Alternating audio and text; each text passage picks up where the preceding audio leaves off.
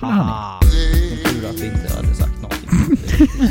Vad vad hela avsnittet går och sen bara, Mm. just det, paus. Det hände ju för Ah. mig en gång när jag spelade in eh, vår gamla Blåvitt-podcast. Ja. När eh, inspelningen stannade efter typ en minut in utan att jag märkte det. Så vi satt och pratade i en och en halv timme om fotboll. För att vi skulle ut en podcast och sen bara... Mäh. En minut var kvar. Vi hade introt. Yay. Mm. Alla var så glada på mig. Ja. det var ju mitt ansvar, får man väl ändå erkänna. Ja. Oh, vad man inte var populär. Har spelat in min son han spelar blockflöjt i någon sån här avslutning. Det, det, bilden var väldigt fin. Mm. Det fanns inget ljud. Nej, det är ju synd. Ja, Jättehärligt. Ja, det är jättehärligt. Jag har också gjort någon sån när jag glömde ta av linkslocket. Eh, det, det är också... Det är trist när man inte kollar så att det verkligen rullar. Mm, Jo. typ så.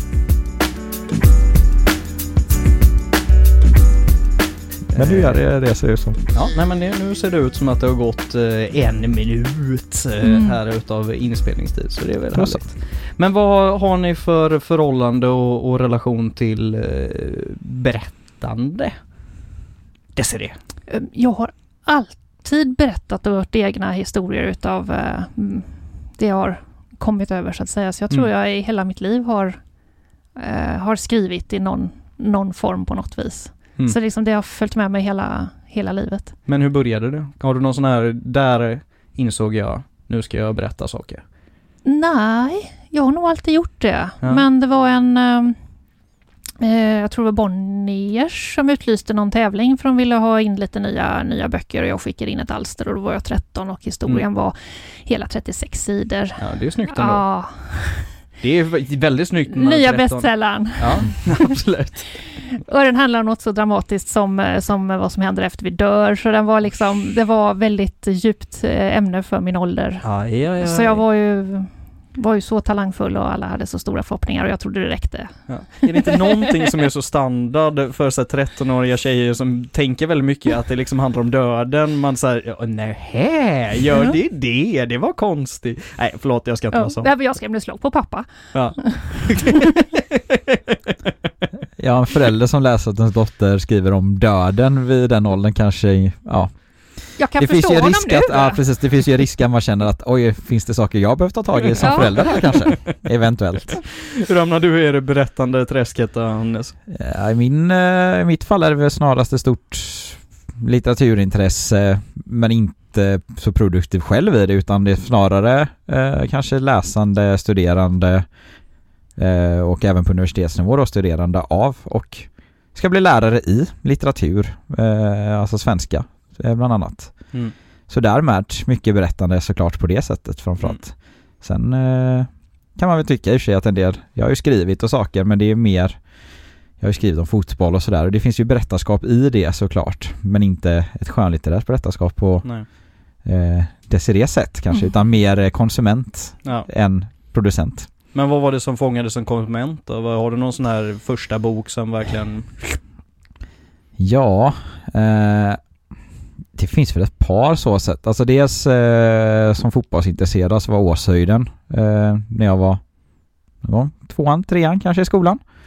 Eh, liten pöjk med dyslexi som jag var på den tiden. Eh, svårt att läsa, hittade fotboll, hittade läsning om fotboll och det kan man ju passa ihop så att man kan läsa om Åshöjdens BK som gjorde en kometresa genom svenska seriesystemet i litteraturens värld.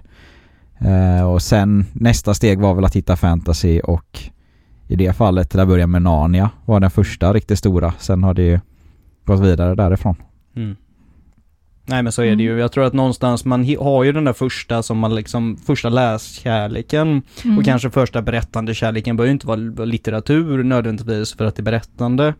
Jag vet någonting utav det första som jag verkligen kommer ihåg och tog till mig och liksom tog mig vidare.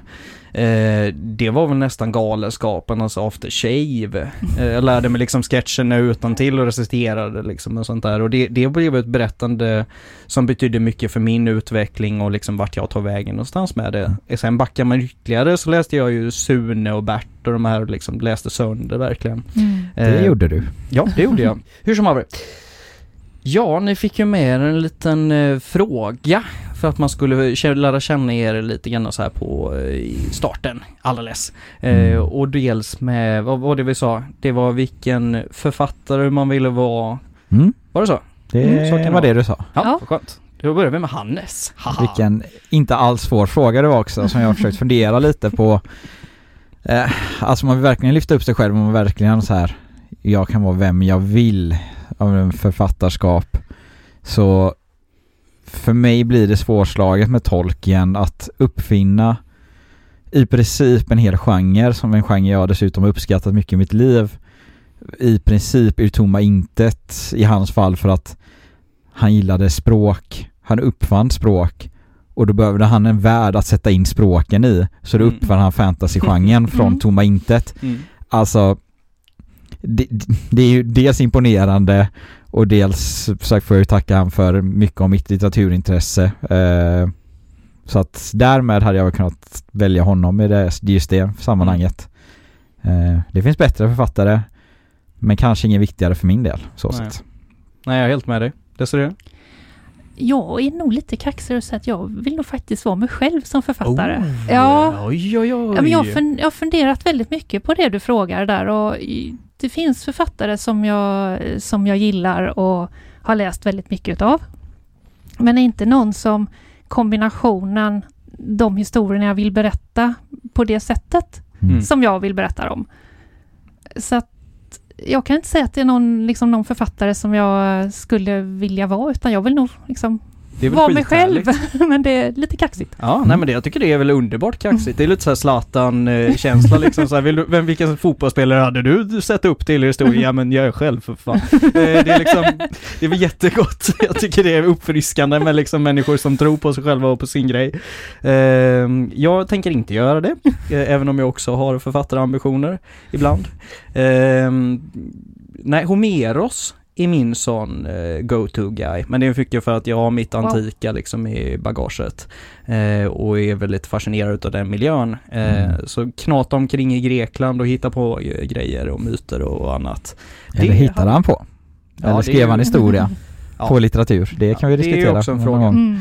Nej, så att, men just det där med att blanda och just det som du säger Annes, att det liksom så här blanda in sin samtid i berättandet och få det att flyta och sen då påverka så många människor som ändå de har påverkat och mångt och mycket så är jag ändå där som eh, sammansättningen och, och storytellingen har sin bas i modern eh, västerländsk berättartradition.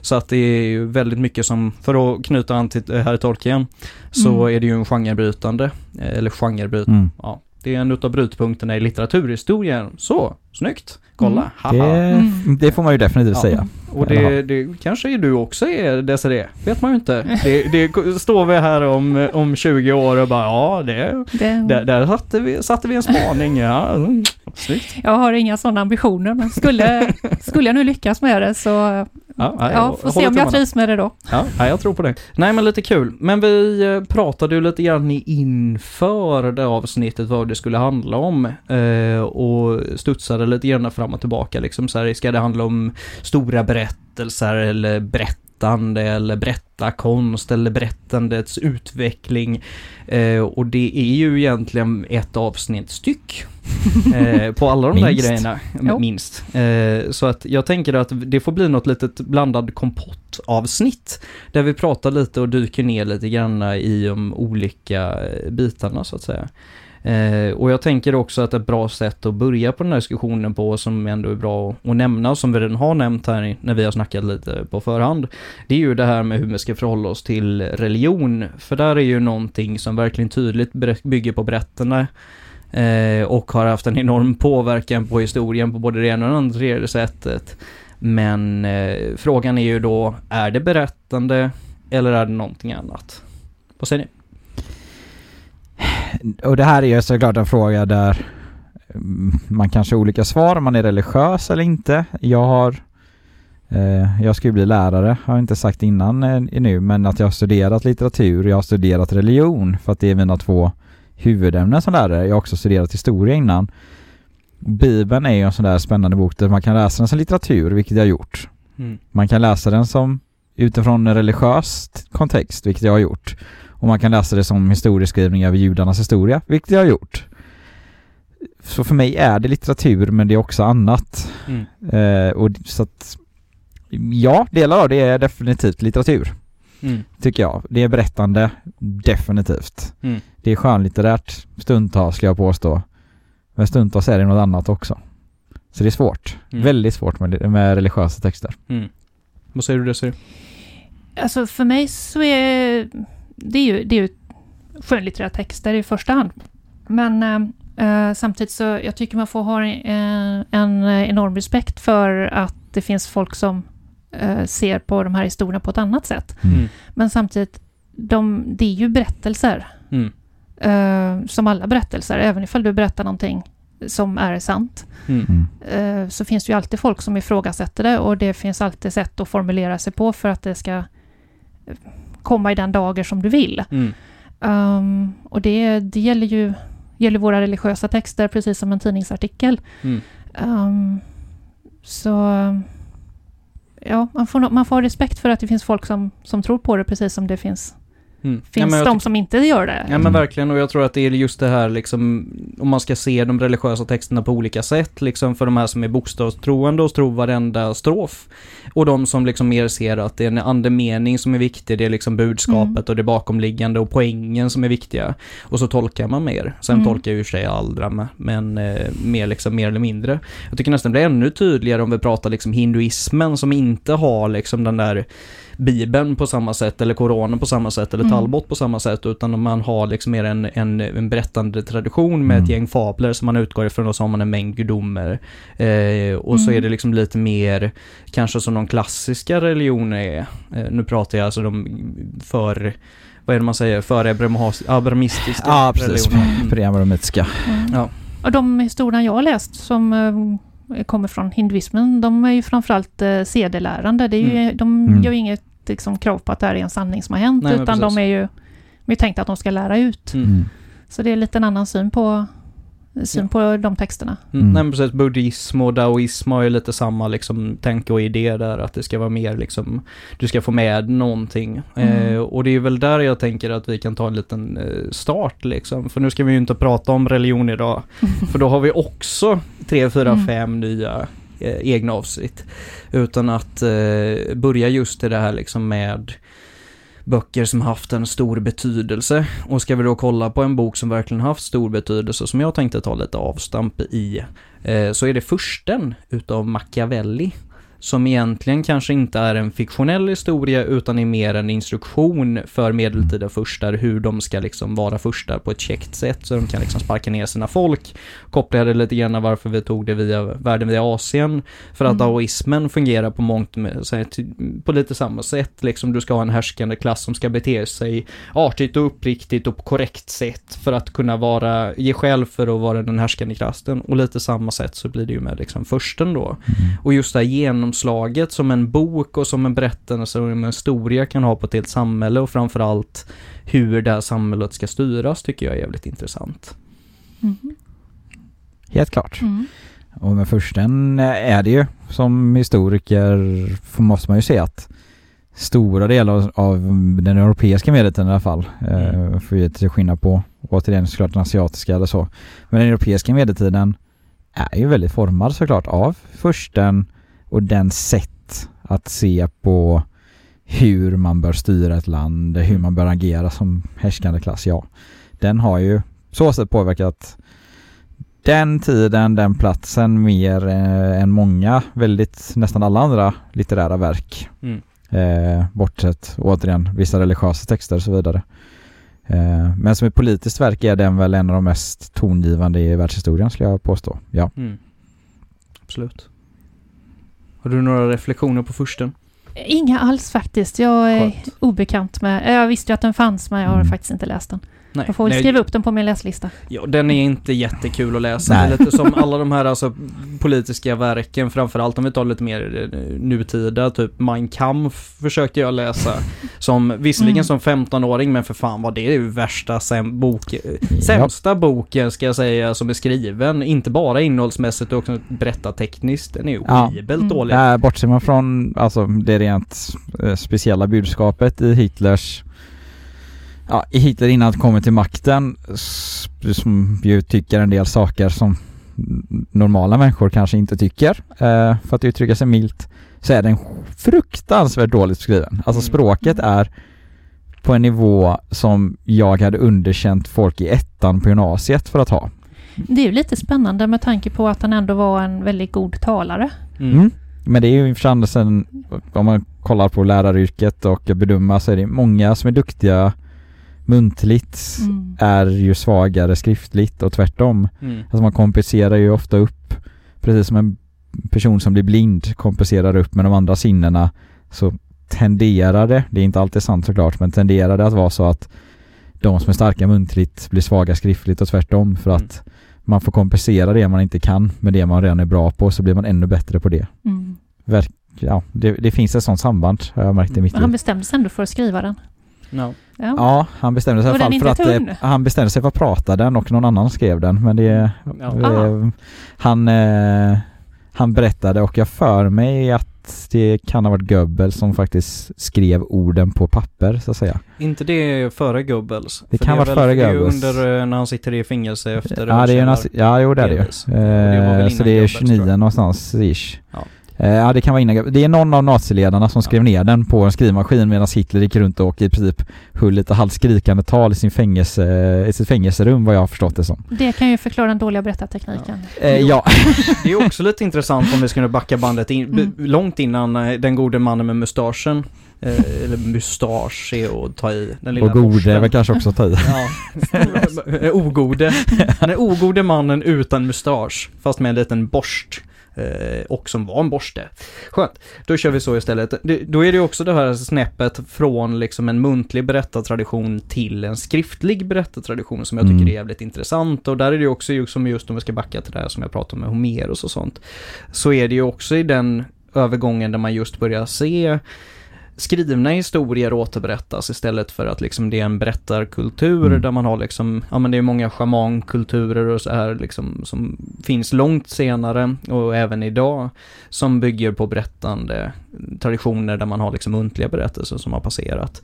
Eh, och de har ju varit väldigt svåra att översätta till skrift. Det är ju Mm. bara att kolla som de grekiska fablerna, de har skrivits hundra gånger och är jätteolika för att just de olika muntliga traditionerna har lett dem till så många olika platser. Ja. Jag tycker det är en spännande övergång liksom. Mm. Ja, och det är ju väldigt svårt alltså att läsa Homeros idag eller för den alltså Iliaden och Odysseen då i sammanhanget. Den ska, går ju från början, det är från början en muntlig berättelse, går på versmått Mm. för att man ska komma ihåg den. Mm. Varje, alltså första versen, jag kan bara första versen i huvudet, det här är inte för mycket skryt i alla fall. Eh, Jag har kunnat mer när jag försökte lära mig det. Men första versen är eh, Sjung och gudinna om vreden som brann hos peliden Achilles eh, i en nutida svensk översättning. Där betoningen då ska ligga på vissa stavelser Mm. och det måste man ju få in i översättningen rätt antal stavelser på varje rad. Mm. Vilket gör att man måste anpassa översättningen extremt mycket vilket gör att den svenska översättningen blir vad den blir. Ja. Det är väl åtta va? I häxa. Eh, det är, ska jag köra där med versmått? Nej, och det, jag tänkte mest, nu, nu ska vi inte dra in många alldeles liksom, men eh, ja. Nej men det, det är ju just speciellt den här övergången liksom mellan olika medietyper och mellan olika berättarkonster och liksom just den utvecklingen och jag tror att där är ju ett stort paradigmskifte när man gick över från liksom en muntlig taltradition till liksom en mer skriven. Men det som finns mm, där är det ju religion igen delvis. Alltså, vi ser ju en tydlig övergång till exempel då från grekisk eller romersk eh, eller för den delen nordisk religion till en skriftbunden religion. Alltså kristendom i, i vårt fall eller islam i andra delar av världen. Eh, de muslimska delarna av världen ska ju gudarna veta att det fanns muntliga berättelser innan. Vissa av dem finns ju med såklart Koranen, vissa inte. Eh, och samma med Bibeln. Eh, så där har vi en tydlig övergång som jag tror påverkar mycket varför vi har ett skriftligt samhälle istället för muntligt idag. Är vår religiösa övergång från det. Hur Mm. vi berättar våra religiösa berättelser. Mm. Eh, Men om vi hoppar Mm. tillbaka lite i samtalet till de här berättelserna som just förändrade världen liksom. Mm. Och jag tänker liksom så här, försten var ju en sån berättelse, även om man kan liksom hävda att det inte är en berättelse och så vidare. Vad, vad har ni för några goa? Har ni någon eh, sån här kul bok som har på- påverkat? Eller visst, berättelse? Ehm, Jag vet inte hur kul den är, men Onkel Toms stuga påverkade ju på sin tid väldigt Mm. mycket Mm. för att bli av med slaveriet. Det, så den, den påverkade en del av världen, inte hela men eh, ändå. Den, Mm. den hade väldigt stor genomslagskraft. Mm. För den som inte har läst det, vad är det för någonting? Den eh, följer en, en slav i amerikanska södern Mm. som, höll på att säga öden och äventyr, men de är väldigt ofrivilliga Mm. kan vi säga. Om eh, hur eh, hans ägare får det, kommer på obestånd och får sälja honom och var han sen hamnar och vilka levnadsvillkor han har. Han skiljs ju då från, från sin fru och sina barn när han Mm. säljs. Mm. Men han är så pass kunnig så han är värd väldigt mycket pengar. Mm. Ja, och det är lite den, kul den, just- är, den är väldigt gripande tycker jag. Ja, jo, nej, det är en kanonbok Mm. faktiskt. Eh, och det är lite roligt för det är många som vet vad det är för någonting, men inte vet vad det är för någonting. Mm. Eh, har jag märkt när man är ute och pratar med folk om lite böcker och grejer. Ehm, och det är ju lätt att gå förbi för den hade ju jättepåverkan just på hela liksom hur man såg slaveriet och liksom fick väldigt mycket genomslag just därigenom. Mm. Jo, men den spred ju eh, till ganska stor del i alla fall, alltså historien om hur fruktansvärt det amerikanska slaveriet faktiskt var till folk i framförallt norra USA där den lästes mycket, vad jag har förstått, eh, eller vad jag kommer ihåg. Eh, där folk kanske inte riktigt hade förstått hur illa ställt det var för de mörkhyade i södra USA. Och när boken kom då så fick man en litterär berättelse istället för kanske tidningsartiklar eller annat mer stelt eh, berättande eller vad vi ska kalla det. Mm. Det här blir ju en skönlitterär bok som därmed fick genomslagskraft för att den just satte ja, ett berättande, ett väldigt, dukt, ett väldigt bra berättande också. Den är en välskriven bok Mm. som gjorde att folk kunde läsa den, ta till sig den och i princip alla kunde läsa den för den är inte så svår heller. Alltså den går att läsa för de flesta människor Ja, med är... eh, någon form av läsförmåga och Mm. eh, förståelse. Eh, trots allt. Så att ja, den påverkade jättemycket av debatten i USA eh, kring slaverifrågan och det som sedermera kommer med eh, inbördeskrig och eh, slavarnas befrielse via detta krig. Mm. Det är lite tråkigt att kriget skulle behövas för det, men det är en annan historia. Ja, det, man kan ju tycka att det är sorgligt att fem miljoner människor ska bli fria genom att en miljon människor dör för deras skull. Men, Mm. Men så var det, tyvärr. Eh, där och då var det det som behövdes. Nej, och det är ju det. Det är ju spännande liksom att brett kan ha sån jäkla kraft. Eh, Mm. Just i det här att få folk att sätta sig in i någon annans situation och jag Mm. tycker liksom så här, det, det är ju sån grej om vi ska koppla an lite till någonting nutid och bara göra ett sidospår. Den här filmen som man ser när man tar körkort. Eh, Den här, eh, två som är ute och kör i en bil. Man, mannen är ute och kör i en bil. Eh, Det är en ljus sommardag. Han ser inte barnet och så kör Mm. de på en barn och så dör barnet och så är det väldigt liksom Som också är sådär. baserad på en skönlitterär Ja. berättelse Det- som den- heter Att döda ett barn. Ja, den Ja. har jag läst. Jag har faktiskt inte sett filmen. Nej, nej men då den, Mm. den Jag fick se, storgråter varje gång jag Ja läser den är den. fruktansvärd. Mm. Och det är det är så jäkla fräckt att man genom berättandet kan få folk att agera på ett visst sätt. Mm. Liksom. Dels så kan man få liksom ett inbördeskrig att starta, mer eller mindre. Eller dels kan du få folk att lätta på gasen lite grann. Eller också kan du få folk att sparka sina undersåtar Mm. eh, lagom hårt. Och ibland Mm. misslyckas man fruktansvärt mycket. Så är det ju också. Det finns ett komiskt exempel. Om man inte sett den här filmen så, så, så tar jag inte upp den för att den är bra. Jag tar upp det här för att alla människor i Sverige bör ha sett filmen Stockholmsnatt någon gång i sitt liv. Eh, den är, eh, och det är ganska otydligt när man ser filmen idag och eh, är man dessutom inte tillräckligt gammal för att komma ihåg att det fanns telefonkiosker innan mobiltelefoner så är den fullständigt obegriplig. Men den handlar alltså om en kille som slår sönder telefonkiosk och därmed förstörs hans liv i princip. Vilket är en premiss som är extremt rolig. Personen frågar dessutom Paolo Roberto vilket efter vissa skandaler kring denna man blir ännu roligare, alltså i efterhand. Han sparkar sönder telefonkiosk, hans liv går i spillror och det är alltså det svenska telefonverket på den här ti- tiden. Magnus som- Uggla är väl med i den också? Det kan vara det, eller Jag tror det. det kan vara den han är med i också. Ja. Det, är, ja, det, det är så fruktansvärt dåligt spelat, allt är värdelöst. Men det är så roligt och det är den kanske sämsta propagandafilmen någonsin för den handlar om att inte slå sönder telefonkiosker och ledde till att alla telefonkiosker i Sverige var sönderslagna inom en vecka i princip. För att alla tyckte att det var så roligt. Eh, att filmen var så dålig och så rolig så alla gick ut och slog sönder telefonkiosker som någon form av kvasihyllning till filmen i fråga. Vilket är perfektion och eh, lite en så här rolig syn på det svenska så här byråkratisamhället ibland så här. Ja, vi ska göra en film där får, får ungdomarna att inte vandalisera. Och så blir det till vandalisering. för att man förstår inte varandra alltid i samhället. Eh, Ja, nej så är det ju verkligen.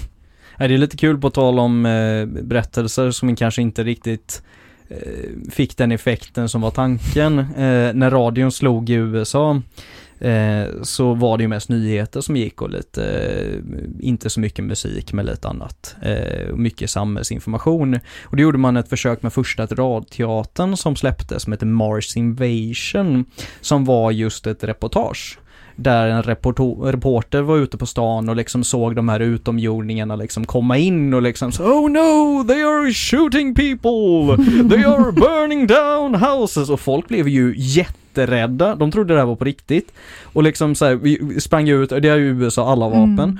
Så att de sprang ut på gatan och det blev som kaos för den här radioteatern. För Mm. att folk inte var med på att det kan vara en radioteater när det är radio. mm. Utan då är det på riktigt. Och det är också en sån här kul grej just med liksom, vad är poängen och vad blir effekten utav att sprätta Mm. ut någonting liksom. Mm. Det hände lite samma sak när de började komma reklamradio, att Mm. folk hade svårt att skilja på vad, vad som var riktig radio och vad som var reklam. Mm. För man hade inte lärt sig språket än så att säga. Nej. Inte men- för att folk gick ut och sköt, men just det här med att skilja på nej, det jag ena tror från inte det det var någon andra. som dog direkt men liksom jo, det var, faktiskt ett par det människor var- som, det var tog, eh, med det, som ja. tog självmord i rädslan det, över var det. aliensen. Att det är bättre än att bli mördad av alien Ja. så är det bättre att skjuta sig själv i Ja. princip. Så det var tyvärr ett par människor som bokstavligt talat tog självmord i ren rädsla för aliens. Ja, Vilket ju i efterhand är som sagt otydligt. Jag har för mig att George Orwell var inblandad i den ja va? nej, men det är möjligt, mycket möjligt han som skrev den till och med. Ja. Eh, också en fantastisk, eh, extremt bra författarskap som har förändrat världen lite. Men det, Ja, jo, det, där har vi ju ett par böcker som man skulle kunna prata om. Eh, Ja. Också, också ett helt av, eget avsnitt, men jag skulle säga att det är 84 som är den eh, mest avgörande. Möjligtvis djurfarmen. Jag vet inte, vad, vad tycker ni? Alltså eh, Djurfarmen är ju intressant om man råkar vara lagd åt ett historiskt håll och tycker att Sovjetunionens tidiga historia är intressant och får den uppspelad som en bondgård. Eh, är man inte intresserad av det så vet jag inte om den är lika viktig. Det är en bra kritik av Sovjetunionen, eh, visserligen. Eh, men 1982 är ju jättebra på så sätt att den faktiskt delvis berör saker som dagens fake news-debatt. Kan Mm. staten så att säga framställa nyheter till oss på ett sätt som får oss att tro på att saker händer som inte händer? Mm. Eh, enligt bo- den boken, ja definitivt. Det är svaret på Mm. den frågan. Det kan vi inte komma ifrån. Eh, är boken sann däremot? Det kan vi också diskutera. Men också övervakningssamhälle med allt vad det innebär. För den filmen är ju alla övervakade dygnet runt, alltid. Mm. Och det är vi ju till viss del idag såklart genom internet och så vidare. Eh, Ja, vi har ju en telefon hur- i vår lilla ficka som håller koll på oss. Ja, min är dessutom kinesisk och de har ju tydligen en viss eh, fäbless för att samla in information om, om oss. Men batteritiden är så bra så jag bryr mig uppenbarligen inte om det så jag har kvar den ändå. Vilket ju också säger en del om Mm. eh, Ja, både mig och eh, samhället i stort. Att vi Ja. ibland Nej, ser det som viktigare. Alla att man har de här jävla sociala apparna, det är ju skrämmande. Jag har ju pluggat lite sånt och, och sett just vad det är de får tillgång till och det Mm. är eh, lite för mycket. eh, än vad, vad, känner du dig övervakad, Desiree? Ja, men det är, det är ju nästan oundvikligt att man gör på ett eller annat sätt. Man, eh, man får väl försöka möjligaste mån tänka sig lite granna för, men samtidigt så får man ju välja om man vill vara med i det samhället som man har varit med och skapat på något vis. Mm. Mm. Eh, eller inte.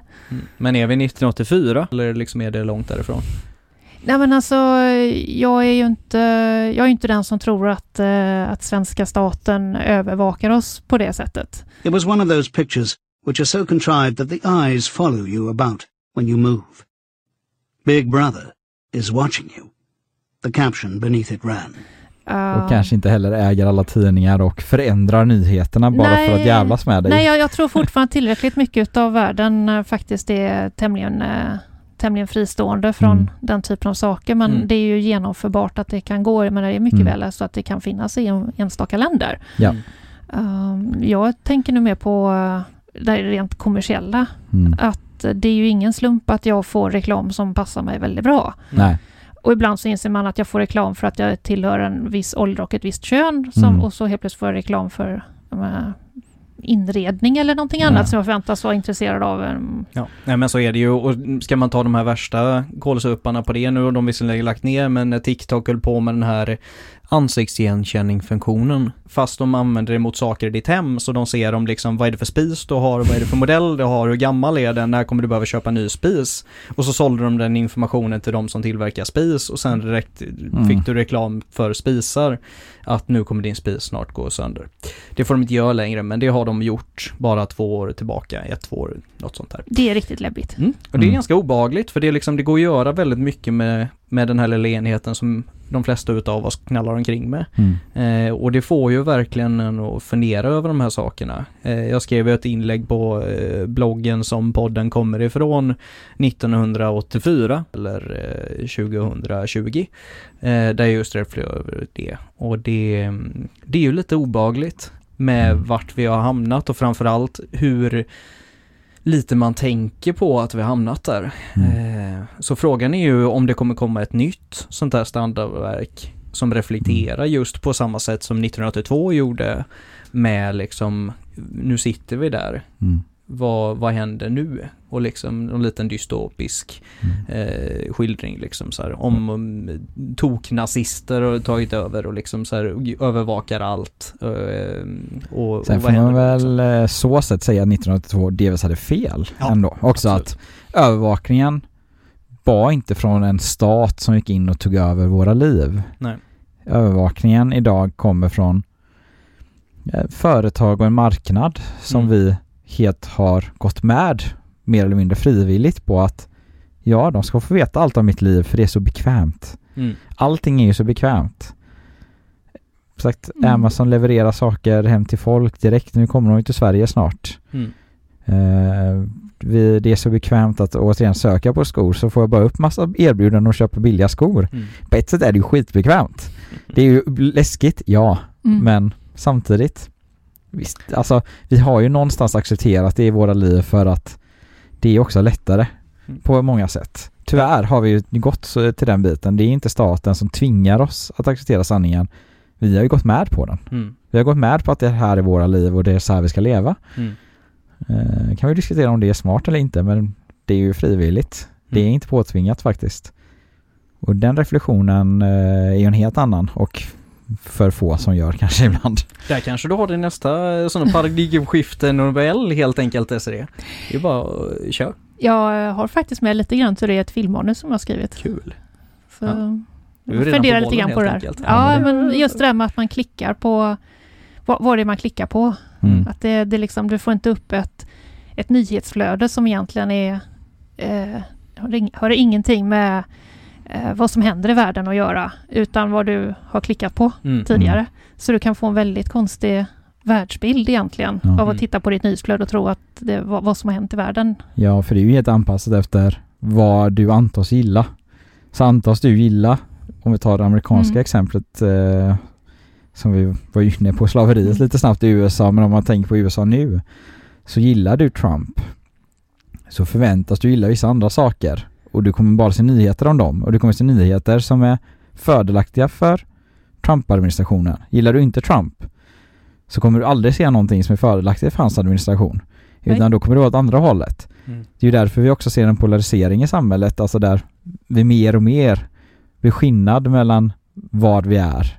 Där vi mer och Mm. mer grupperar in oss i grupper för att det vill ju samhället uppenbarligen just nu. I alla fall vill vissa delar av samhället, sociala medier och så vidare, gruppera in oss.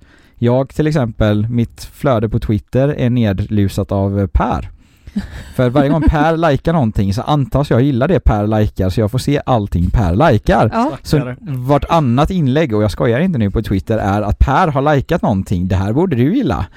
Eh, jag och Per Mm. gillar inte alltid samma saker, så Jo. ibland är det smått irriterande om inte om man säger så. Eh, men jag har tillräckligt många gånger tryckt in på saker Per har likat och gått vidare där och då går algoritmen igång i spinn och säger att det här är vad Hannes vill. mm. Och då är det så efter det och det är jättesvårt att komma ut ur också. Ja, nej, det, är, Det det är- skitfrustrerande. Ja. Men som du säger med, med Trump, jag har ju bara sådana som är skitsura på, Mm. på Trump i mitt flöde. Mm. Så det är för mig helt obegripligt hur han ens blir vald, därför Mm. att det finns ju inte en människa som, Nej. som röstar på honom. Ändå vet jag ju att eh, åtminstone halva USA var ju för honom. Ja. Men Mm. de har inte jag i mitt flöde. Och det är också det som är liksom, där är ytterligare ett paradigmskifte när vi gick över till att ha liksom en, en eh, interaktiv berättande. Mm.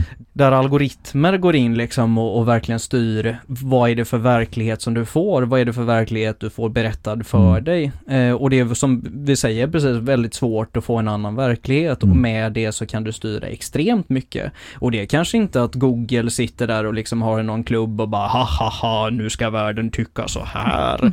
Utan mer att eh, Google vill och, och Twitter vill och Facebook vill och, och Instagram vill att du ska fortsätta använda deras skit så det, varenda tänkbar minut. Mm. Mm. Och det gör du i större sannolikhet om du tycker om det du ser Ja. än om du Mm. inte tycker om det. Och det är därför de här algoritmerna ska funka De, på det de vet ju att om du blir sur över att du ser någonting så är risken ganska stor att du stänger av. Precis.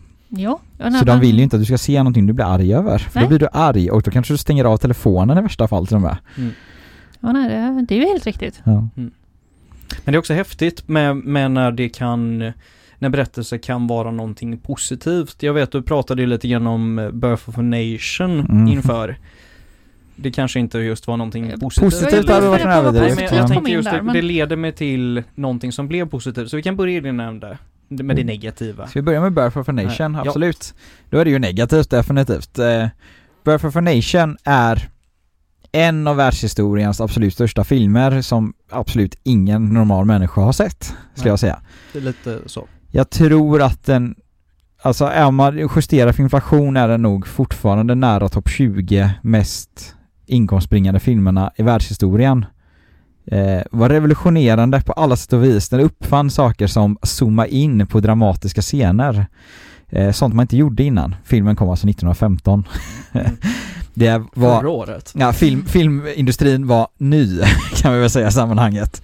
Eh, men den har saker, saker som typ eh, tracking shot, alltså man följer folk när de Mm. eh, rör sig och så vidare, som man in, ja, inte gjorde innan helt enkelt. Det, har- det hade inte existerat innan den här filmen uppfann det. Så en revolutionerande film på det sättet, ju berättartekniskt. Men det den minns för, alla minns den för idag, eh, i den mån man minns den och i den mån man vet vad det är, så är det för att den lanserade den andra Ku Klux Klan Mm.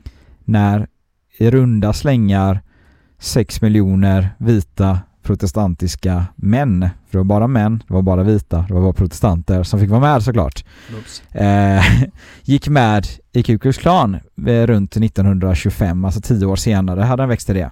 Och den lanseras helt och hållet, den här klanen, och den extrema rasism de står för mot dels svarta, dels mot katoliker och eh, dels eh, vissa andra grupper i samhället, frimurare, socialister och annat som man också ogillade. Bök. Ja, sånt. Usch.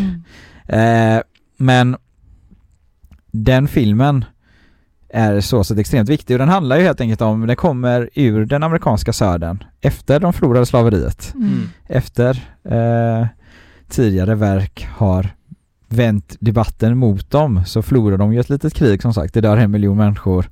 Och när man förlorar ett krig så måste man förklara varför slogs vi för det här? Mm. Och det finns två sätt. Ena är att erkänna man hade fel. Mm.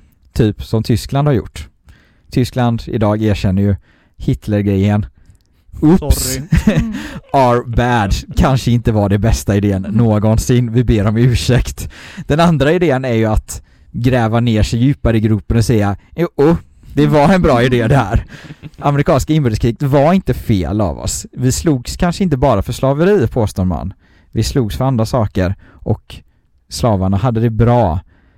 Norr, de i norr i USA som invaderade oss, de var onda och elaka och ville ta vår kultur. Och det är Birth of a Nation i ett nötskal på många sätt. Mm.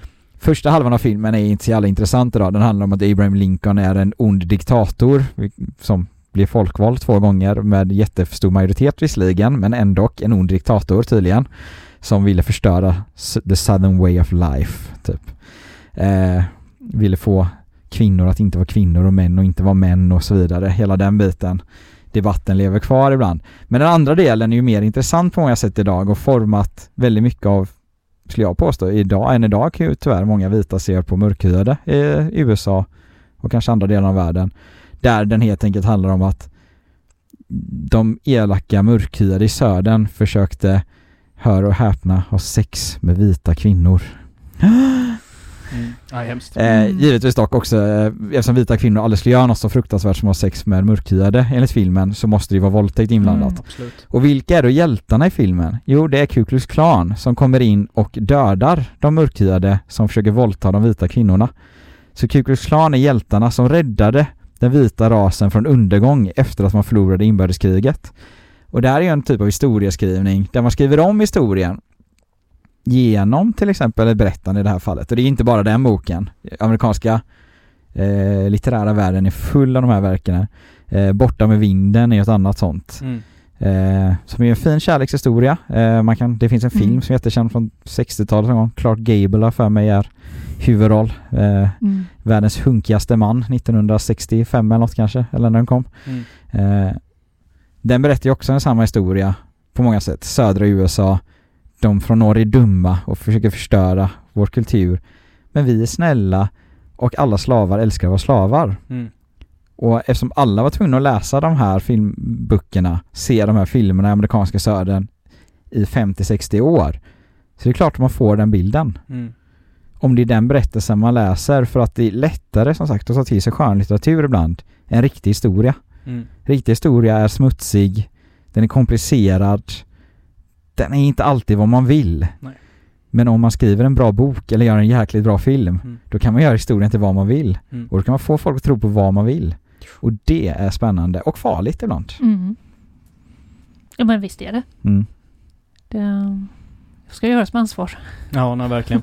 Nej, det som är lite kul och det som jag menar med att vara positivt med hela den här grejen om vi skulle liksom så här dra när tillbaka kakan kom.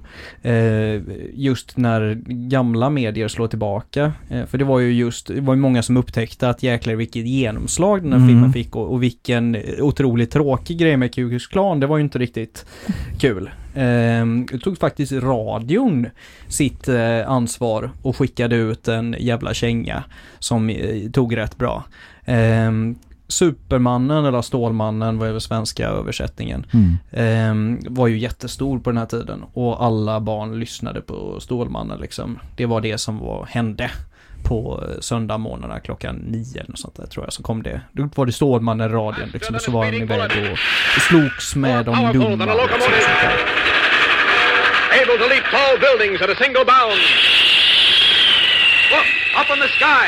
It's a bird. It's a plane. It's Superman. Kellogg's Pep. Eh, och då, det man gjorde då helt enkelt eh, var ju att de dumma, det var Ku Klux Klan. Det var, de var inte uttalat och det var sagt, men de hade de här kåporna, de hade liksom sina hemsliga hälsningar och de hade, de brand, brände kors Mm. och liksom så här lynchade folk och det var liksom alla de här grejerna som Ku Klan gjorde. De var liksom, det var de som Stålmannen slogs mot.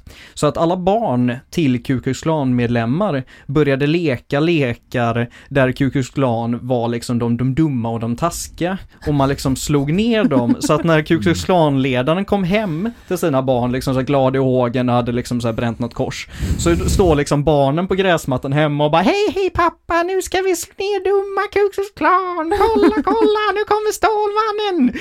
Och det här hade en jätteeffekt som liksom är synbar idag, där man Mm. kan se att Ku Klux Klan liksom så här mer eller mindre bara på ett par månader får ett jättetapp och liksom försvinner ifrån liksom stora samhällsdebatten. Sen finns det kvar på många sätt och vis och det är djupt rotat och hej och hå. Men det hade ändå en jätteeffekt, Mm. vilket är otroligt häftigt. Så att det går ju att använda positivt också. Mm. Eh, och det har ju liksom ett genomslag åt båda håll. Eh, men jag tycker det är en väldigt, eh, det är en kul twist. Och det är just också det här med att man kan använda berättarmedia på olika sätt och kan Mm. få dem liksom att bli eh, ja, få en påverkan och få en effekt som kanske både är medveten och inte är medveten. Mm. Nu tycker jag ju onekligen att det var en fördel att uh, Ku Klux Klan backade tillbaka. Ja. Eh, men eh, att säga, påverka barn, det får man Mm. verkligen ta, ta ett stort ansvar. Och tyvärr så är det väl så att alla som gör det, de tycker ju att de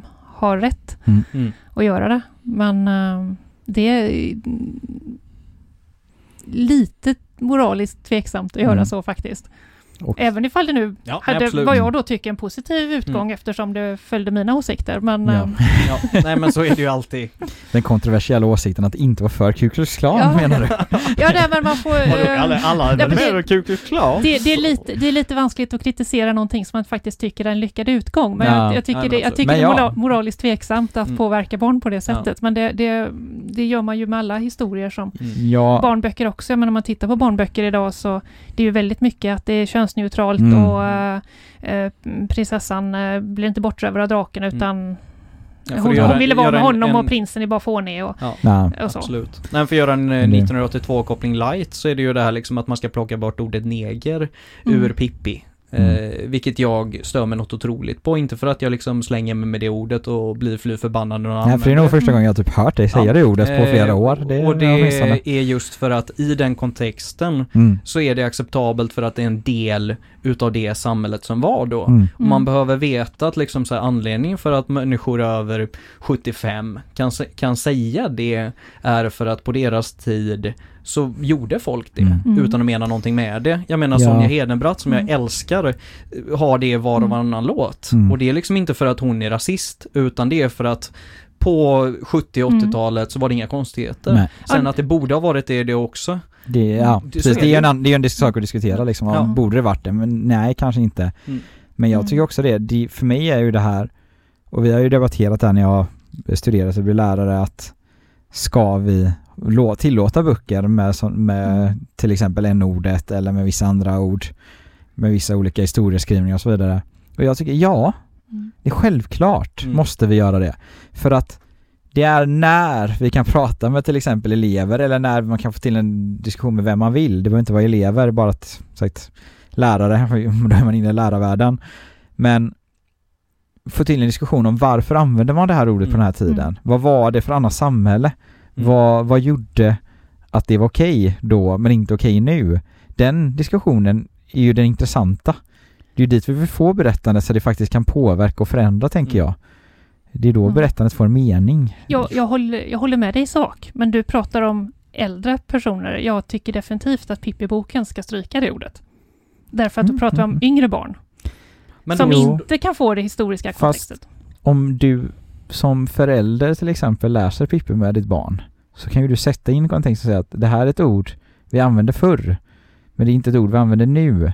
Ja, Därför att förr var folk Ja, om vi ska för- göra det simplistiskt, dumma och nu är folk, det, det är ett simplistiskt sätt att, överdriva det, är klart att folk var dumma och nu är ja, snälla. jag har ju läst en Men- del eh, sagor för mina barn, bland annat eh, eh, Tant Brun, Tant Grön och Tant Gredelin, Mm. där det finns en beskrivning av negrer och andra vilda folkslag. Mm. Eh, vi kan väl säga Ja. att jag censurerade faktiskt den meningen och Okej. Mm. beskrev om den med ord som var lite mindre rasistiskt uttryckta. Ja. Mm. Men eh, hade jag läst motsvarande text för ett lite äldre barn så skulle jag definitivt sagt vad det stod och så hade jag Mm. förklarat kontexten. Mm. Men det, det hänger helt och hållet på vilket ål, vilken ålder barnet Absolut, jag är helt med dig. Och- Och, och jag tror att det, det viktiga är just att man får igång den här debatten och inte glömmer av det och inte försöker göra en för historieförsköning. Mm. För det är ju Nej. det någonstans det som är väldigt relevant att Mm. liksom få med sig vad är det det handlar om. Men också att man får upp ämnet liksom, va- varför ska man inte säga det? Mm. För att det här Mm. med liksom så här att ha ett ord, fy fy så får du inte säga, framförallt till barn, det är ju liksom, vill du få barn att säga någonting, säg fy fy, det Ja. får du inte säga. Mm. Eh, så att Då just- kommer det fram. Ja men det, det är ju det, är det man gjorde Ja. fel på 80-talet, eller 90-talet när jag växte upp. Eh, att liksom då skulle man inte säga neger alls. Mm. Eh, för då var det tabu och hej och hå och ingen pratade om det. Och så blev det skit för att då var det lite hemligt och det blev lite svärord och liksom Mm. så var det lite tufft och hej och hå. Mm. Så blev, sl- folk slängde sig med det här Ja, men då blev det ju skämt istället. Blev Ja det men liksom- precis. Och då, då får man inte förståelsen för att varför är det ett av de mest kränkande orden som finns. Mm. Jo, Mm. för att det innebär att du sätter en stor del av mänskligheten i ett lägre fack och Mm. säger att ni är mindre värda. Mm. Och därför ska man inte använda det hemska jävla ordet. Mm. Nu tänker jag sluta. Nu använder jag med det för att det skulle, vi pratade om det så det, Mm. då tycker jag det är OK. Det får gärna någon åsikter på. Men då får man Mm. skicka dem till min hemliga brevlåda som Mm. finns i en eh, papperskorg nära dig. Ja men det är ju självklart att man måste få läsa böcker som eh, innehåller åsikter och ord som inte är, inte är politiskt korrekta idag. Mm. menar, man ska ju inte tappa historien. Nej. Nej. Men, eh, men min, min, min mamma höll på att lära mina barn en sång med orden med de två g istället. Mm. Och jag sa, du sjunger inte den för mina barn. Ja Nej. men det är, det är positivt, det är en klok människa som beter sig vettigt. Ja, jag skiter i det. det. Jag vill inte mina barn kommer till förskolan och använder det ordet. Nej absolut, det kan, det kan ju ske från en viss ålder och hej och liksom, och Mm. man behöver ju en debatt om det också. Mm. Men just det här med, som det blir lite grann med 1982-exemplet, Mm. att ska vi då anpassa Pippi gång på gång på gång på gång efter samtalet som vi lever i blir Mm. också lite galet liksom. Så att vi får försöka ha en balans i det. Och så kan man kanske snarare då när man läser dem som förälder själv Mm. ta det ansvaret, okej ska vi ta den debatten idag eller har klockan blivit lite för mycket? Och så kan man se liksom lite hur det funkar och blir. Ja men det är intressant, Ja. med språk Mm. är ju ett, är också ett eget avsnitt. Ja. Men det har ju också varit någonting som har varit eh, verkligen en, en eh, avskiljare. Eh, framförallt om vi pratar om det tryckta och det skrivna ordet. För det var ju långt och länge så att man inte kunde läsa i de lägre klasserna. Mm. Eh, och därmed så var historier för, eh, låt oss säga mitten på 1800-talet, de var inte skrivna för den gemene man utan det var ju liksom för en elit som Mm. skulle läsa om eliten och från elitens perspektiv och sånt så att det är ju svårt att få tag på litteratur som skildrar någonting annat än liksom elitens liv. Det är ju svårt idag också Mm. men det var ju ännu klurigare då. Mm. Och det är intressant som det manusen som du och jag skrev ihop, Desiree med Lasse-Maja, som ju just blev, det är väl fortfarande tror jag, om man kollar det i förhållande till tid, eh, Sveriges mest sålda bok. Ja, den var Eh, väl mest läst efter Bibeln tror jag. Ja men precis. Eh, och det, det är ju liksom en, en människa som verkligen inte är någon överklass. Nej, den var väl en av de få som faktiskt fick sin röst hörd. Mm. För den som Han- inte är familjär. För, förlåt? För den som inte är familjär med vem Lasse-Maja är. Lasse-Maja, ja, jo. Ehm, han var ju en eh, ja, transvestit får man väl säga Ja. för sin tid. Ehm, eller ja, det är det han skulle... Det är det han skulle kallas för idag, skulle vi kanske säga. Men han eh, stal väl en del också på Ja. vägen. Ja absolut, och det, där Och, går det väl att eh, säga. Hamnade och, på fästning så småningom. Mm. Ja. Och där ska väl också säga så om det var något sexuellt i att han klädde ut sig till kvinna eller att det var liksom, ja, ett sätt att stjäla. Vi tog ju tolkningen att det var något sexuellt Mm. eh, i vårat manus. Eh, men eh, ja, där hävdar ju framförallt den intelligentian som var i sekelskiftet mellan 1800 och 1900-talet att det var ju bara en, en, en plojgrej liksom för att kunna sno grejer. Ett sätt att Det komma var- undan och Ja. gömma sin identitet kanske. Ja, men det var, kan ju varit avsevärt mycket mer tabu också med Ja. att en seriös Mm. man skulle klä sig i kvinnokläder och faktiskt tycka att det var att det var så man ville vara. Det, Ja. Mm. Nej och det tror jag också liksom när man läser den så är det ju ganska han hävdar ju själv i alla fall i det här, vill jag ju påstå, ehm, att det är bara för att kunna sno. Men jag tror inte att den hade flugit om han hade skrivit in liksom att så här, han hade romantiska förhållanden med killar, vilket jag är väldigt övertygad om. Mm. Han ha- liksom tyckte om att sätta på sig det här och liksom hade en, en identitet som egentligen var mer att han var en kvinna Mm. än att han var en Mm. man. Och det hade nog varit svårt att komma igång med en sån självbiografi då, men att det fanns de här tankarna ute Mm. i samhället redan då, men att de just var tabubelagda. Ja. Ja. men alltså det var ju brottsligt med manlig homosexualitet så att om han ville bli frigiven Mm. och det påstås att han skrev det här för att påskynda sin, sin att han skulle bli frigiven. Så Visa är det inte så smart att erkänna Så till brott ska kanske. Man, nej precis, det, så det skulle legat honom väldigt i fatet om man hade, om man hade beskrivit det. Så att Ja. det, det finns många skäl till att det inte finns med men vi vet ju faktiskt inte hur han förhöll sig till det. Och det, och det är ju spännande med just den saken. Både i berättelser men även annat har förändrat sådana saker. Alltså synen på till exempel homosexualitet. Mm. Vi får komma ihåg att en så känd människa som Jonas Gardell inte slogs mot att det var illegalt, för det var det inte när han växte Nej. upp. Men Jonas Gardell var i 20-årsåldern så slogs han för att man skulle inte längre kalla det en sinnessjukdom att Mm. vara homosexuell. Det är inte så länge sedan, för så gammal är han inte. Nej. Nej. Så det kan alla räkna ut att det är inte så många år sedan. Eh, Så det är fascinerande hur snabbt det har gått med vissa saker. Ja, och ja. hur inte snabbt det går ibland också. Ja, nej, det är ju bara drygt tio år sedan som det fortfarande fanns svenska stora riksdagspartier som propagerade för att det skulle, fortfarande skulle vara en sinnessjukdom. Mm. Eh, och innebära medicinering och sånt liksom. Så att det, det, det är ju inget som är lastgammalt om man säger så liksom. Det är ju inte det. Nej. Och det är också en där sak. Ibland när vi pratar om historia, eh, eh, både berättande och annat, där kan vi gå tillbaka och se att historien går inte alltid framåt. Vi tror ofta det, vi vill ofta tro att historien blir alltid bättre. Vi lever i den bästa av världar och det kommer bara bli bättre och bättre. Men vi vet också samtidigt att till exempel en sån sak som homosexualitet var ganska okej i det gamla Grekland, för det har vi berättelser om. Mm. Den kändaste dikten, mig veteligt, från det antika Grekland är Gudars lika av Sappho, som var en kvinna som levde på en ö som heter Lesbos. Och kan man lägga ihop ett och ett så förstår man vad den ön och Mm. hon har gett namn till. Mm. Eh, alltså ordet lesbisk för att beskriva en homosexuell kvinna idag. Ja. Eh, för att hon var en homosexuell kvinna. Mm. Och hennes kändaste dikt, Gudars lika, handlar om att hon kollar på den hon älskar och den som sitter bredvid måste vara lik en gud för att han får vara ihop med denna fantastiska kvinna. Så hon beundrar en kvinna men kvinnan lever ett heterosexuellt förhållande med en man. Mm.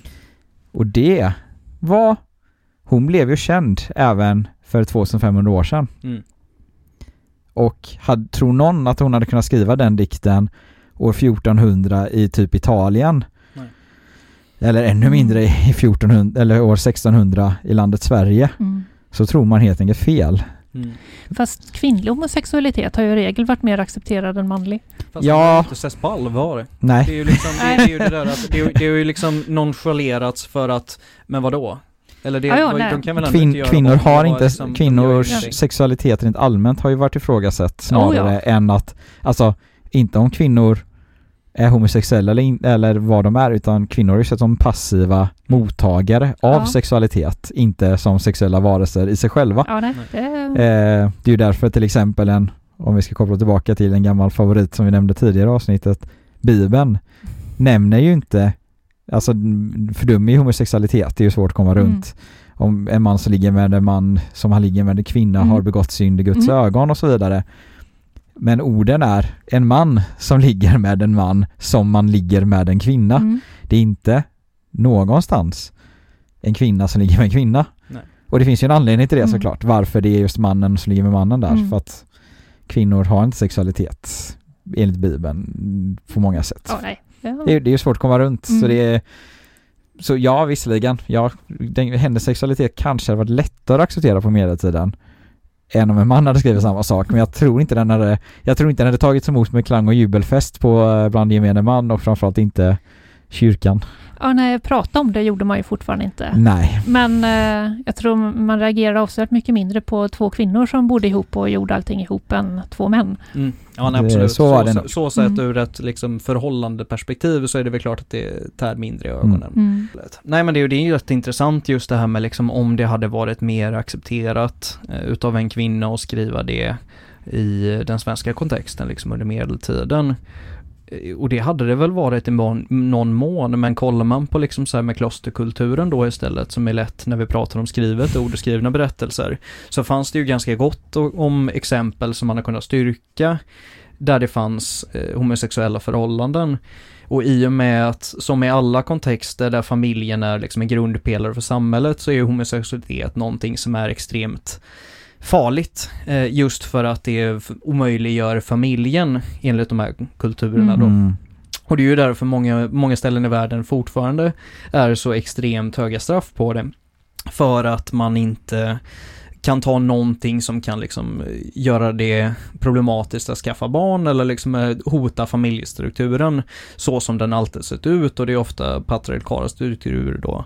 Men ändå liksom att hot mot det är det stora samhällshotet för att det är familjen och patriarkatet i den sfären som liksom samhället vilar på. Ja, men där eh, finns ju också, på tal om den tiden och på tal om könsroller, ett par verk som jag inte har nämnt innan, så där kan bli, vi får väl se hur det här flyger i sammanhanget. Eh, men en bok som Pengar eh, som är skriven av en kvinna som heter Victoria Bendiktsson vill jag minnas. Och en annan bok som heter Det går an som skrevs av en man, Mm. eh, Carl Johan Love Almqvist, eh, som han heter. Eller hette, han är död sedan länge. Ska, som båda handlar mycket om kvinnors ställning i Sverige runt sekelskiftet 1800-1900 alltså. Eh, och framförallt kvinnors ställning inom giftermålet. Man ska komma ihåg att på den här tiden så var en kvinna inte vuxen Mm. egentligen någon gång i sitt liv förutom om hon hade varit gift och mannen eh, dog helt enkelt. Det vill säga hon är änka. Det, var- det var egentligen enda möjligheten att faktiskt bli myndig Mm. eh, på många plan och framförallt att få kontroll över sin egen ekonomi var ofta det är den enda möjligheten. Och pengar handlar ju att som en ung tjej som hon är, jag tror hon är typ 16 eller 17 bara, som gifter sig eh, för att det är bekvämt Mm. och eh, inte helt överraskande inte älskar sin typ 45-åriga präst eh, tror jag han är dessutom till man. Mm. Chock att hon kanske inte var sexuellt tillfredsställd i det förhållandet. Undrar Mycket varför. märkligt. Ja. Eh, men den boken, båda de två böckerna ledde ju till den faktiska förändringen att det ledde till en debatt inom det svenska samhället om kvinnors ställning inom både äktenskap och samhället som sedermera ledde till att kvinnor faktiskt kunde få äga pengar utan att vara änkor eh, till exempel och sedermera sådär 20 år senare ledde till att kvinnor till och med fick rösta. Mm. Det är ju om bara ett år kvar tills vi firar 100-årsjubileet för Mm. första gången en kvinna faktiskt fick rösta och sitta i riksdagen. Mm. Det var genomröstat för den här tiden för 100 år sedan men det är 1921 första gången kvinnor faktiskt röstar vill jag minnas i alla fall. Mm. Mm. Att det är valet 1921. Så att vi är ju inte så långt ifrån det och det de böckerna är så sett spännande. De är inte alltid lika spännande på andra plan ska jag väl ärligt sägas. det är ingenting jag rekommenderar att springa ut och köpa. eh, Jag har men- försökt läsa båda, inte lyckats De- läsa någon. Nej, de, de är lite träiga med, med dagens Smula. ögon sett. Mm. Eh, men revolutionerande på sin tid. De, så pass Mm. revolutionerande att Carl Johan Love Ahlqvist bokstavligt talat fick fly landet. Mm. Fick flytta till Paris i tio års tid för att han i Sverige var så, ansågs så revolutionär att han dels riskerade att bli ihjälslagen och dels riskerade fängelse för omstörtande verksamhet i sammanhanget. Och, och detta var före Twitter alltså.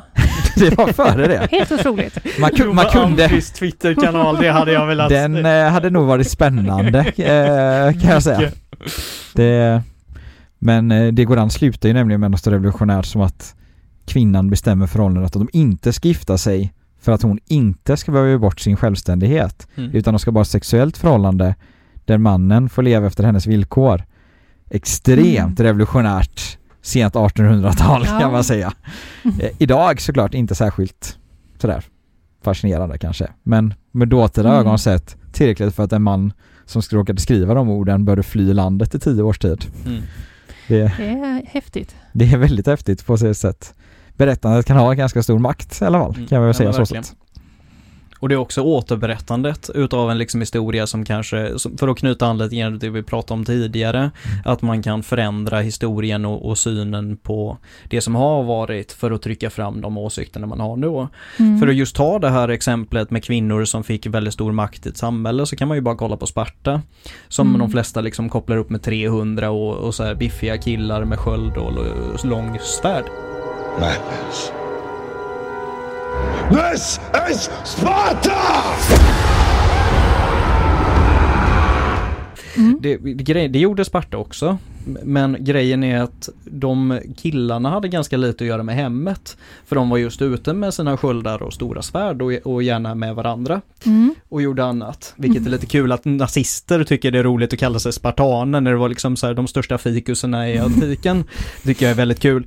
Eh, och också det samhälle som gav kvinnor väldigt mycket vakt. För att Mm. den som fick ta hand om verksamheten liksom när killen var ute och fightades. Det var ju kvinnan. Mm. Och de hade ju en tendens utav att dö. För att spartanerna skulle stå kvar och inte fly och sånt där liksom. Vilket ledde till att mycket, ganska, framförallt de senare tiden under Spartasamhället så hade kvinnor väldigt mycket makt. Mm. Och det har ju i efterhand skrivits som att det var det som ledde fram till Spartas fall. Ihop med den här eh, sodonismen eller homosexualiteten om man kallar det.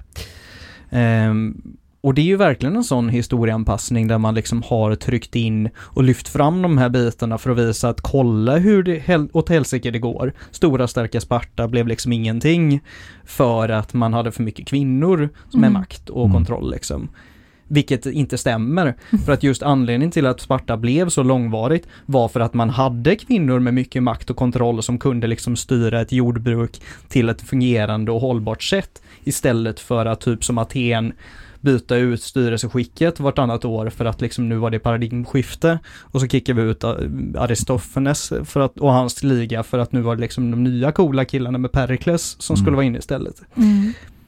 Så att det, det blir ju liksom Historia går ju verkligen att använda på olika sätt Mm. och Oh ja. berättandet är ju en otrolig eh, kraft Mm. som har slagit fast ett par gånger nu. Ja, Om du inte fattar vad funktionen och poängen med det avsnittet är så är du bra trög, Mm. eh, kära lyssnare, eh, bara så du vet.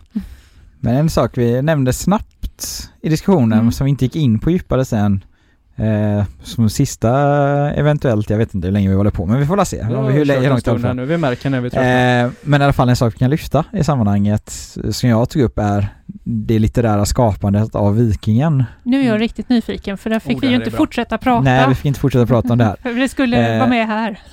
Ja, precis. Eh, och där ser vi ju en viss koppling till vad jag påstår var den amerikanska södern med deras skapande av till exempel Birth of a Nation och liknande.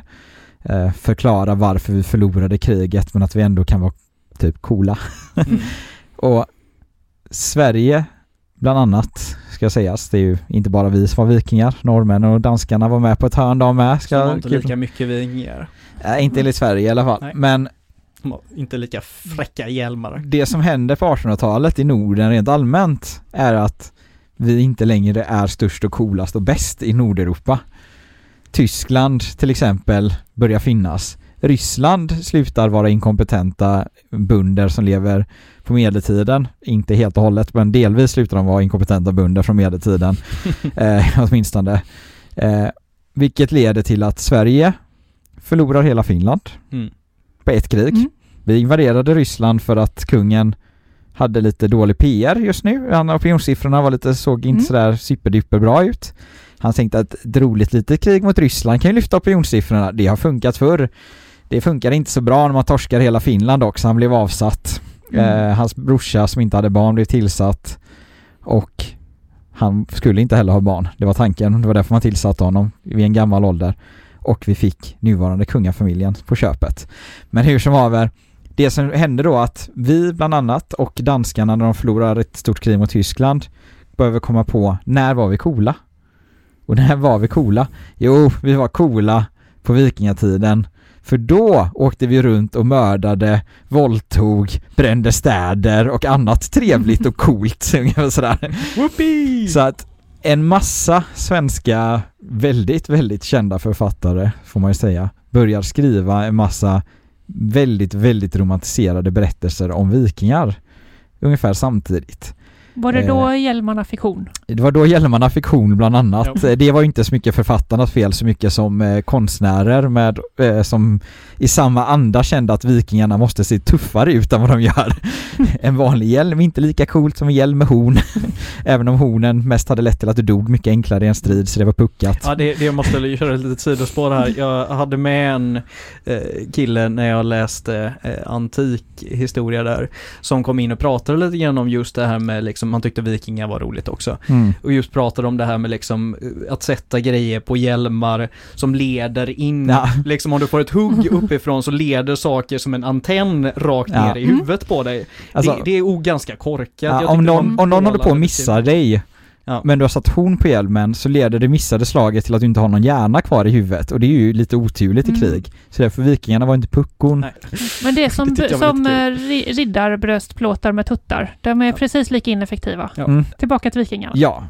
Vi, det skapades ett förbund till och med Mm. vid Uppsala Götiska universitet, det förbundet. Götiska förbundet, där eh, bland annat en man som heter Esaias Tegnér ingick, eh, även eh, ja, Werner från Heidenstam heter han, eh, vill jag minnas. Två av Sveriges så kallade nationalskalder, alltså personer som har skrivit så, så coola och kända dikter att vi alla ska läsa dem någon gång i vårt liv enligt någon någonstans. Eh, de hade coola namn som Hjalmar Tembrar och sånt där coolt så hittade de på sina egna coola vikinganamn när de satt med i den här gruppen. Eh, och sen åkte de hem till, till exempel Esaias Tegnérs fall, åkte hem till Värmland och började skriva dikter och blev jätte, jättekänd. Där han bland annat skriver Ordalbonden och Vikingen som handlar om hur den riktiga svenska mannen bör vara. Ordalbonden är helt enkelt bonden som är hemma och Mm. odlar marken och tar hand om landet. Den är inte riktigt fullt så riktiga svenskan såklart Mm. för att medan vikingen åkte iväg och plundrade istället såklart. På den här tiden byggde man ju upp den här synen på vikingatiden som vår de, kulturs högtid på något Mm. sätt.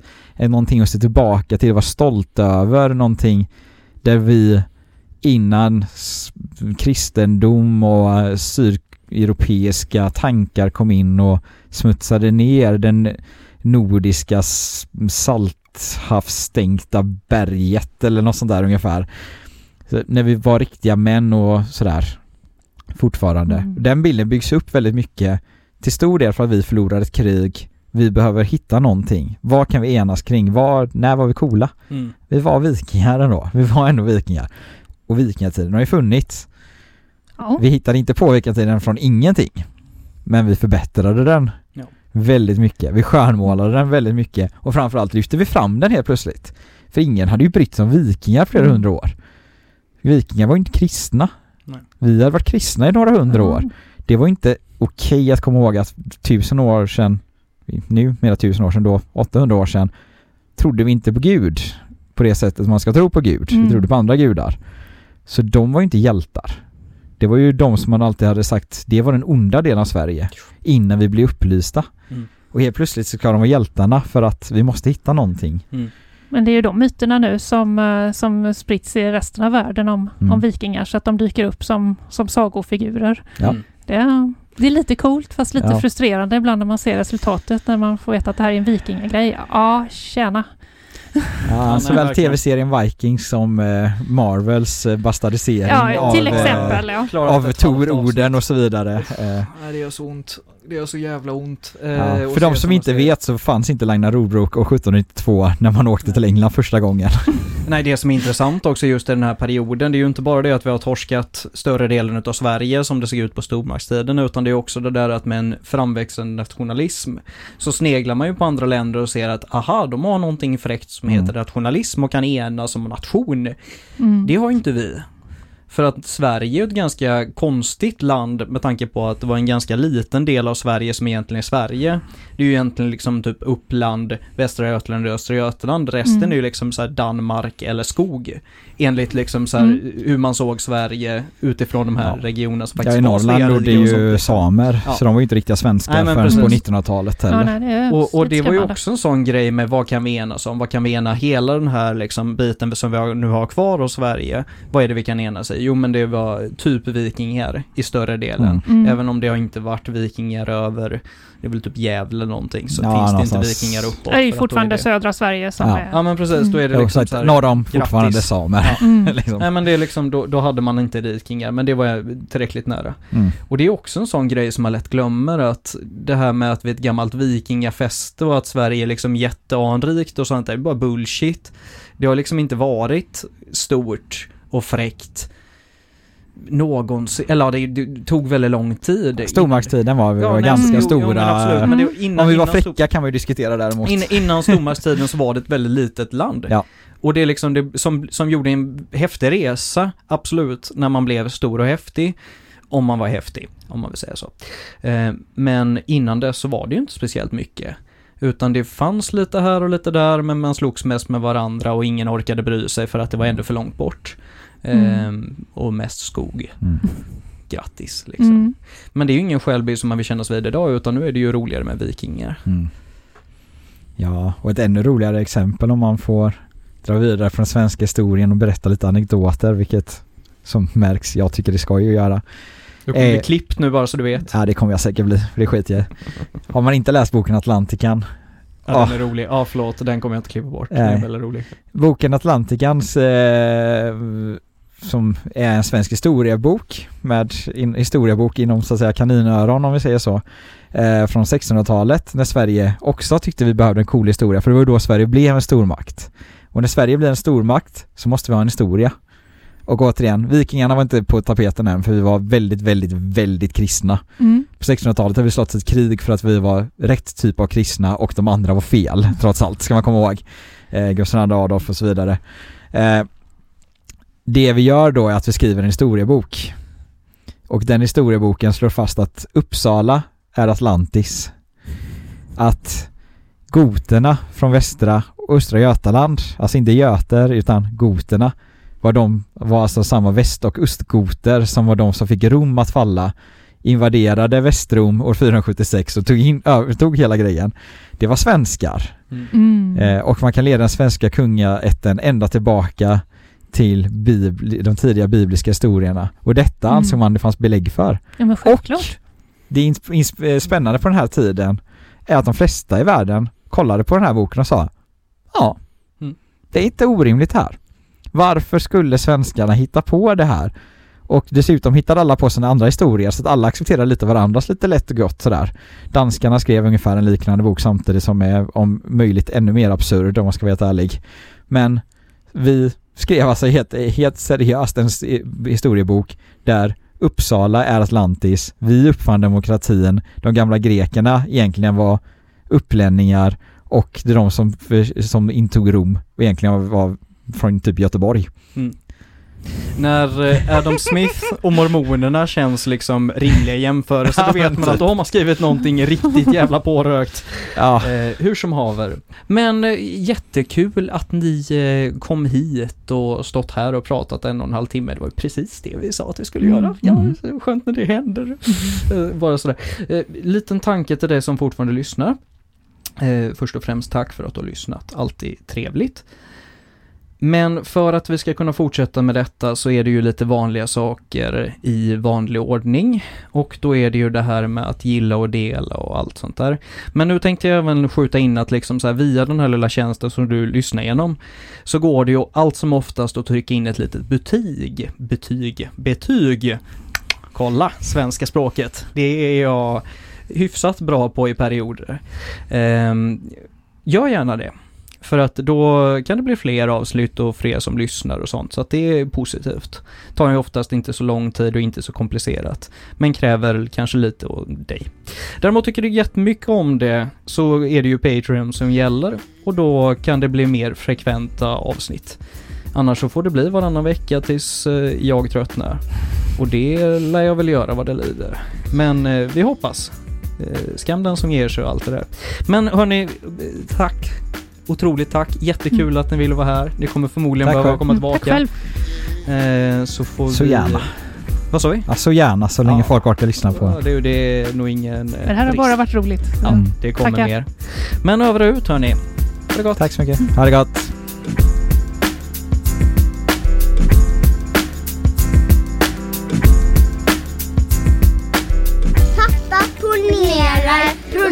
ger oss av Hakuna Matata Produktion!